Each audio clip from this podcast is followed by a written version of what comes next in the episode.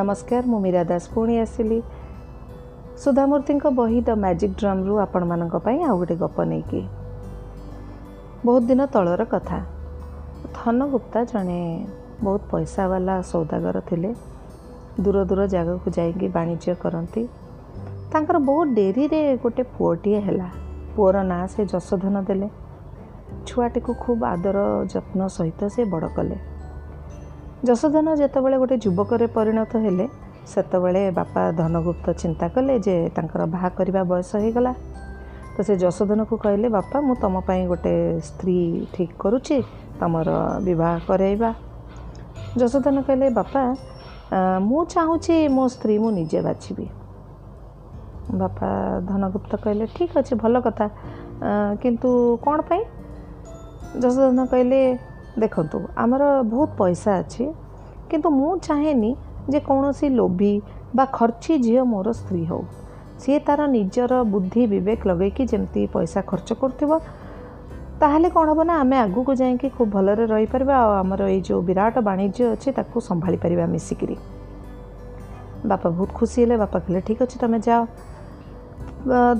ଯଶୋଧନ ସେଠୁ ବାପାଙ୍କୁ କହିଲେ ଯେ ମୋତେ ଗୋଟେ ଘୋଡ଼ା ଗାଡ଼ି ଦିଅନ୍ତୁ ଚାରିଟା ଘୋଡ଼ା ଦିଅନ୍ତୁ ଆଉ ପାଞ୍ଚ ଜଣ ଚାକର ଦିଅନ୍ତୁ ଯିଏ ମୋ ସାଙ୍ଗରେ ଯିବେ।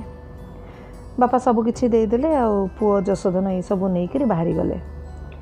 ବହୁତ ବୁଲିଲେ ପୁରା ସମଗ୍ର ରାଜ୍ୟ ବୁଲି ଆସିଲେ ବହୁତ ସୁନ୍ଦର ସୁନ୍ଦର ଝିଅ ଦେଖିଲେ। ଯେଉଁଠି ଝିଅମାନଙ୍କୁ ଦେଖନ୍ତି ସେଠି ଯାଇ ତାଙ୍କ ବାପା ମାଆଙ୍କ ସାଙ୍ଗରେ କଥା ହୁଅନ୍ତି ଆଉ କୁହନ୍ତି ଏମିତି ମୁଁ ବାହା ହେବାକୁ ଚାହୁଁଛି ଆପଣଙ୍କ ଝିଅକୁ କିନ୍ତୁ ମୋର ଗୋଟେ ସର୍ତ୍ତ ଅଛି। ନା କ'ଣ? ନା ମୁଁ ଗୋଟେ ବ୍ୟାଗ୍ରେ ଧାନ ରଖିଛି। ସେଇ ଧାନକୁ ନେଇକି ଆପଣଙ୍କ ଝିଅ ଯେମିତି ମୋ ପାଇଁ ଗୋଟେ ସୁସ୍ୱାଦୁ ଖାଇବା ବନେଇବ ମୁଁ ଖାଇବାରେ ଟିକେ ଭାତ ଖାଇବି ଡାଲି ଖାଇବି ଆଉ କିଛି ପରିବା ତରକାରୀ ଖାଇବି ଆଉ ଦହି ମଧ୍ୟ ଟିକେ ଖାଇବି। ଆଉ ଯଦି ଆପଣଙ୍କ ଝିଅ ସେଇଟା କରିପାରିଲା ତାହେଲେ ମୁଁ ତାକୁ ବାହାବି ଏତିକି ଶୁଣି ବହୁତ ଗୁଡ଼ିଏ ଝିଅ ସେଇଠି ଓହରି ଯାଆନ୍ତି। ସେ କହିବେ ନାଇଁ ବାବା ଦରକାର ନାହିଁ କି ପାଗଳ ଲୋକଟା। ଗୋଟେ ବ୍ୟାଗ୍ରେ ଧାନ ବ୍ୟାଗ୍ରେ ଧରଉଛି ତା ଦେହରେ କହୁଛି କ'ଣ ନା ସେଇଥିରୁ ନେଇକି ଆମେ ଏତେ କଥା ବନେଇବୁ? କେମିତି ବନେଇବୁ କିଛି ଦରକାର ନାହିଁ ଆମର ବାହା ହେବା ଏମିତି ଭାବି ଭାବିକି ଆଉ କେତେଜଣ ମଧ୍ୟ ନେଲେ ବି ବ୍ୟାଗ୍ଟାକୁ ନେଲେ କିନ୍ତୁ ପାରିଲେନି। ଆସିକିରି ଫେରେଇ ଦିଅନ୍ତି। କହିବେ ନାଇଁ ହେଇପାରିବନି। ମାସ ମାସ ଯଶୋଧନ ପୁରା ରାଜ୍ୟ ସାରା ବୁଲିଲେ। ବୁଲି ବୁଲିକି ହାଲିଆ ହେଇଗଲେ। ଶେଷକୁ ନିରାଶ ମଧ୍ୟ ଅନୁଭବ କଲେ କହିଲେ ବୋଧେ ମୋ ଭାଗ୍ୟରେ କେହି ସେମିତି ଝିଅ ନାହିଁ। ଏମିତି ଭାଗି ଭାବିକିରି ସେ ତାଙ୍କ ଘରକୁ ଫେରୁଛନ୍ତି। ହଠାତ୍ ଦେଖିଲେ ଗୋଟେ ଛୋଟ ଗାଁ ଦେଇକି ଆସିଲା ବେଳେ ଗୋଟେ କୁଡ଼ିଆ ଘରଟିଏ ଦେଖିଲେ ଦୂରରେ। ଭାରି ପରିଷ୍କାର ପରିଚ୍ଛନ୍ନ ଘରଟି। ସେଠି ଜଣେ ବାପା ଝିଅ ମିଶିକିରି ବସିଥାନ୍ତି ଚା ପିଉଥାନ୍ତି। ପାଖକୁ ଗଲା ଯଶୋଧନ ଦେଖିଲା ବେଳକୁ ସେ ଝିଅଟି ସୁନ୍ଦର ଦେଖିବାକୁ ଏବଂ ତା'ର ଆଖି ଦୁଇଟିରୁ ଜଣାପଡ଼ୁଥାଏ ଯେ ଝିଅଟି ଭାରି ବୁଦ୍ଧିମତୀ ହେଇଥିବ ଚାଲାକ ଚତୁର ବୁଦ୍ଧିମତୀ। ଯଶୋଧନ ତା'ର ସବୁ କଥା ମନ ଖୋଲିକିରି ବାପାଙ୍କୁ କହିଲା କହିଲା ମୁଁ ଏମିତି ଆସିଛି ଆପଣଙ୍କ ଝିଅକୁ ବାହା ହେବାକୁ ମୁଁ ଚାହୁଁଛି କିନ୍ତୁ ମୋର ଏଇ ଗୋଟିଏ ସର୍ତ୍ତ ଅଛି। ଝିଅଟି ସାଙ୍ଗେ ସାଙ୍ଗେ କହିଲା ଠିକ୍ ଅଛି କିଛି ଅସୁବିଧା ନାହିଁ ଦିଅ ମୋତେ ଧାନ ବ୍ୟାଗ୍ଟାକୁ ଦିଅ। ଯଶୋଧନ କହିଲା ବା ବଢ଼ିଆ କଥା ତ ଟିକେ ତା ମନରେ ବି ଆଶା ଆଶା ବାନ୍ଧିଲା। ଚୁପ୍ ହେଇ ବସି ରହିଲା ଝିଅଟି କହିଲା ତୁମେ ଏଇଠି ବିଶ୍ରାମ କରୁଥାଅ ମୁଁ ଖାଇବା ବନେଇକି ଆଣିବି। ଏତିକି ଭିତରେ ଯଶୋଧନ ବସି ବସି ବହୁତ ହାଲିଆ ହେଇଯାଇଥାନ୍ତି ସେଥିପାଇଁ କି ଶୋଇପଡ଼ିଛନ୍ତି କିଛି ସମୟ ପରେ ଯଶୋଧନକୁ ଲାଗିଲା କିଏ ଜଣେ ତାଙ୍କୁ ଉଠଉଛି ଦେଖିଲା ବେଳକୁ ସେ ଝିଅଟି ଉଠେଇକିରି କହିଲା ଆସ ଖାଇବା ଆସ ଖାଇବା ହେଇଗଲାଣି ପରା। ଯଶୋଧନ କହିଲା ହଁ ନିଶ୍ଚୟ ନିଶ୍ଚୟ ମୋତେ ବହୁତ ଭୋକ ହେଲାଣି ଚାଲ। ଯାଇ ଦେଖିଲା ବେଳକୁ ଗରମ ଗରମ ଭାତ ଡାଲି ଗୋଟେ ପରିବା ତରକାରୀ ତା ସହିତ ଦହି ସବୁକିଛି ଯାହା ଯାହା ଯଶୋଧନ କହିଥିଲେ ସବୁ ସେ ଝିଅଟି ବାଡ଼ିକିରି ଥୋଇଛି ଯଶୋଧନ ଆଶ୍ଚର୍ଯ୍ୟ ହେଇକି ବସି ପଡ଼ିଲେ। କହିଲେ କି ତୁମକୁ ଗୋଟେ କଥା ପଚାରିବି? ତୁମେ ଏଇସବୁ ସେଇଥିରୁ ସେଇ ଧାନ ବ୍ୟାଗ୍ରୁ କେମିତି ତିଆରି କଲ?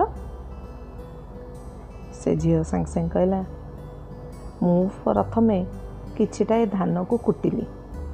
ଯେତିକି ଚାଉଳ ବାହାରିଲା ବାକି ଯେଉଁ ସେ ଧାନର ଯେଉଁ ବାହାରିଲା କୁଣ୍ଡା ତାକୁ ନେଇକିନି ଆମ ଏ ଗାଁରେ ଯେଉଁ ସୁନା ଜିନିଷ ଯିଏ ତିଆରି କରେ ବଣିଆ ତା ପାଖକୁ। ତାକୁ ତା'ର ଦରକାର ଥାଏ ଏଇ କୁଣ୍ଡାରୁ ସିଏ ତା'ର ଜଳାଏ ଚୁଲିକୁ। ସିଏ ମୋତେ ସାଙ୍ଗେ ସାଙ୍ଗେ କ'ଣ କଲା ନା ତା ବଦଳରେ ମୋତେ କିଛି ପଇସା ଦେଇଦେଲା। ସେଇ ପଇସା ନେଇକିରି ମୁଁ କିଛି ପରିବା କିଣିଦେଲି କିଛି ତେଲ କିଣିଦେଲି। ଆଉ ସେଇ ସେଇଥିରେ ଆସିକି ତୁମ ପାଇଁକି ତରକାରୀ ବନେଇଲି। ଆଉ ଦେଖିଲି ଯେ ଯେତିକି ଚାଉଳ ମୁଁ କରିଥିଲି ତୁମେ ଜଣେ ଖାଇବା ପାଇଁକି ସେ ଯଥେଷ୍ଟ ଥିଲା। ତ ବଳକା ଚାଉଳକୁ ବି ମୁଁ ନେଇକି ଟିକେ ବିକିଦେଲି ଆଉ ଦହି ଆଉ ଘିଅ କିଣି ଆଣିଲି। ବାସ୍ ହେଇଗଲା ତୁମ ପାଇଁ ପୁରା ଖାଇବା। ଜସଦନ ବଡ଼ ଖୁସି ହେଇଗଲା କହିଲା ତୁମେ ତ ବଡ଼ ବୁଦ୍ଧିମତୀ। ତାହେଲେ ଠିକ୍ ହେଲା ମୁଁ ତୁମକୁ ହିଁ ବାହା ହେବି ଏତିକି କହିବାରୁ ଝିଅଟି ସାଙ୍ଗେ ସାଙ୍ଗେ ଏମିତି ଆଖି କରି ଅନେଇଲା କହିଲା ଭାରି ମନେ ମନେ ଖୁସି ତ। ତମେ କାହିଁ ଭାବୁଛ ଯେ ତମେ ମୋତେ ଯଦି କହିଦେବ ବାହା ହେବ ବୋଲି ମୁଁ ଫଟକି ରାଜି ହେଇଯିବି? ଜୋସ୍ତମ କହିଲା କାହିଁ କ'ଣ ଅସୁବିଧା ହେଲା? ମୁଁ ସବୁଠୁ ପଇସା ବାଲା ସୌଦାଗରର ପୁଅ। ସେ କହିଲା ହେଇଥାଇପାର। କିନ୍ତୁ ତୁମେ ତୁମ ଘୋଡ଼ାମାନଙ୍କ ଅବସ୍ଥା ଦେଖିଛ? ତୁମ ଚାକରମାନଙ୍କ ଅବସ୍ଥା ଦେଖିଛ? କାହିଁ ତୁମେ ଥରେଟେ ତ କହିଲନି ଯେ ଆମ ସମସ୍ତଙ୍କ ପାଇଁ ଖାଇବା ତିଆରି କରିବ? ତୁମେ ଭାରି ସ୍ୱାର୍ଥପର ଭାବରେ ଖାଲି କହିଦେଲ ଯେ ମୋ ପାଇଁ ଖାଲି ଖାଇବା ତିଆରି କର। ଏତେ ଦିନ ତୁମ ସାଙ୍ଗରେ ବୁଲି ବୁଲି ସେ ଘୋଡ଼ା ଗୁଡ଼ିକ କେମିତି ଦେଖାଯାଉଛନ୍ତି? ସେ ଚାକରମାନେ ଜଣାପଡ଼ୁଛନ୍ତି ଖୁବ୍ ହାଲିଆ। ତୁମେ ତାମାନେ ତାଙ୍କର ଠିକ୍ ଯତ୍ନ ନେଉନ ତାଙ୍କୁ ଖାଇବାକୁ ଦେଉନ ତାଙ୍କୁ ଠିକ୍ ସମୟରେ ଶୋଇବାକୁ ଦେଉନ। ଆଉ ଯେଉଁ ଲୋକ ତା ଭିତରେ ଦୟା ଅନୁଭବ ନାହିଁ କାହାକୁ କିଛି ବ୍ୟବହାର ଜଣା ନାହିଁ ସେମିତି ଲୋକକୁ ମୁଁ କେବେ ବି ବାହା ହେବିନି ଯଶୋଧନର ମନଟା ବହୁତ ଦୁଃଖୀ ହେଇଗଲା ତାକୁ ଲଜ୍ଜା ମଧ୍ୟ ଲାଗିଲା। ସେ ଚୁପଚାପ ତା ଘରକୁ ଫେରିଗଲା। କିନ୍ତୁ କିଛି ମାସ ଭିତରେ ତା ନିଜକୁ ସେ ସୁଧାରିଲା। ତା'ର ଏଇସବୁ ଜିନିଷ ଉପରେ ଧ୍ୟାନ ଦେଲା। ସମସ୍ତଙ୍କର ଖୁବ୍ ଯତ୍ନ ନେଲା। ତା ପାଖରେ ଯେଉଁମାନେ ଚାକିରି କରୁଥିଲେ ଚାହେ ସେ ଘୋଡ଼ା ହେଉ ଚାହେ ସେ ତା'ର ଚାକରମାନେ ହୁଅନ୍ତୁ ସବୁ କରିକିରି ସିଏ ଫେରିଲା ଏଇ ଝିଅଟି ଘରକୁ।